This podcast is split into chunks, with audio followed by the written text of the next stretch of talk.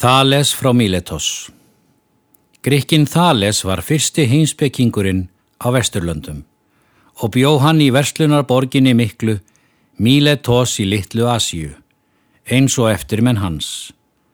Hann var líklega á færtugsaldri í kringum 585 fyrir Kris Spurð, eða fyrir næstum 2600 árum. Þales er kallaðar fyrsti heimsbyggingurinn því hann er sá fyrsti sem vita er um sem setti fram heimsbyggilegar hugmyndir um veröldina. Á þessum tíma var engin greinarmönur gerður á heimsbyggi og vísindum, enda lagði þali stund á starðfræði, verkfræði og stjörnufræði og einni var hann mjög virkur í stjórnmálum. Fyrstu heimsbyggingarnir voru allir uppteknir af því sem á fort grísku kallast arki og merkir frum uppspretta eða megin lögmál.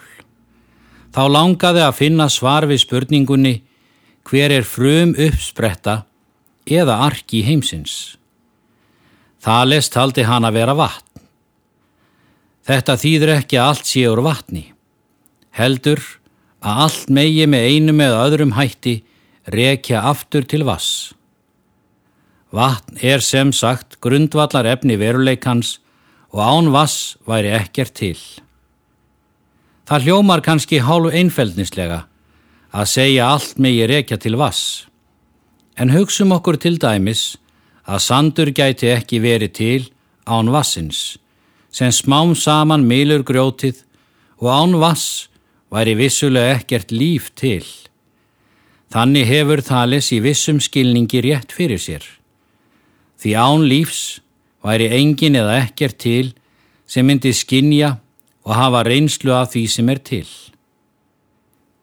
Samlandar þalesar gerðu oft grínað honum fyrir að velta fyrir sér hlutum sem þeim síndist lítið eða ekkert gagnað.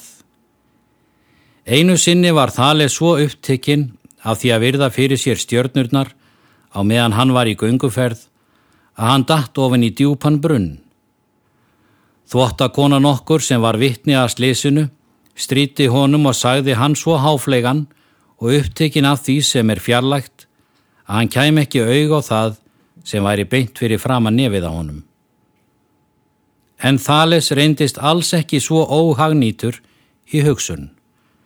Hann langaði nú að sanna fyrir löndum sínum að ef hann bara vildi, gæti hann auðveldlega orði ríkur á ramsóknum sínum. Eftir að hafa rannsakað heiminn kvolvið og veðurfarsbreytingarnar tókst honum að sjá fyrir að ólífurækt yrði með einn dæmum góð á komandi uppskeru tíma í Gríklandi. Þá kipti hann samstundis meiri hlutan á ólífu pressonum á góðu verði. Þegar ólífu uppskeran hófst, sem reyndi sérstaklega góð eins og Thales hafði séð fyrir, var mikil eftirspurn eftir ólífu pressum og þá legði hann þær út á háuverði og grætti stórfið. Þannig er heimsbyggi oft mjög gagleg enda þótt maður kom ekki alltaf auga á það í fyrstu. Oft þarf að fara langar króka leiðir til að skilja það sem er í okkar nánasta umhverfi. Á vissan hátt má því segja að þegar allt kemur til alls hafi það verið samlandar þalesar og þvottakonan sem ekki komu auga á það sem var beint fyrir fram að nefið á þeim.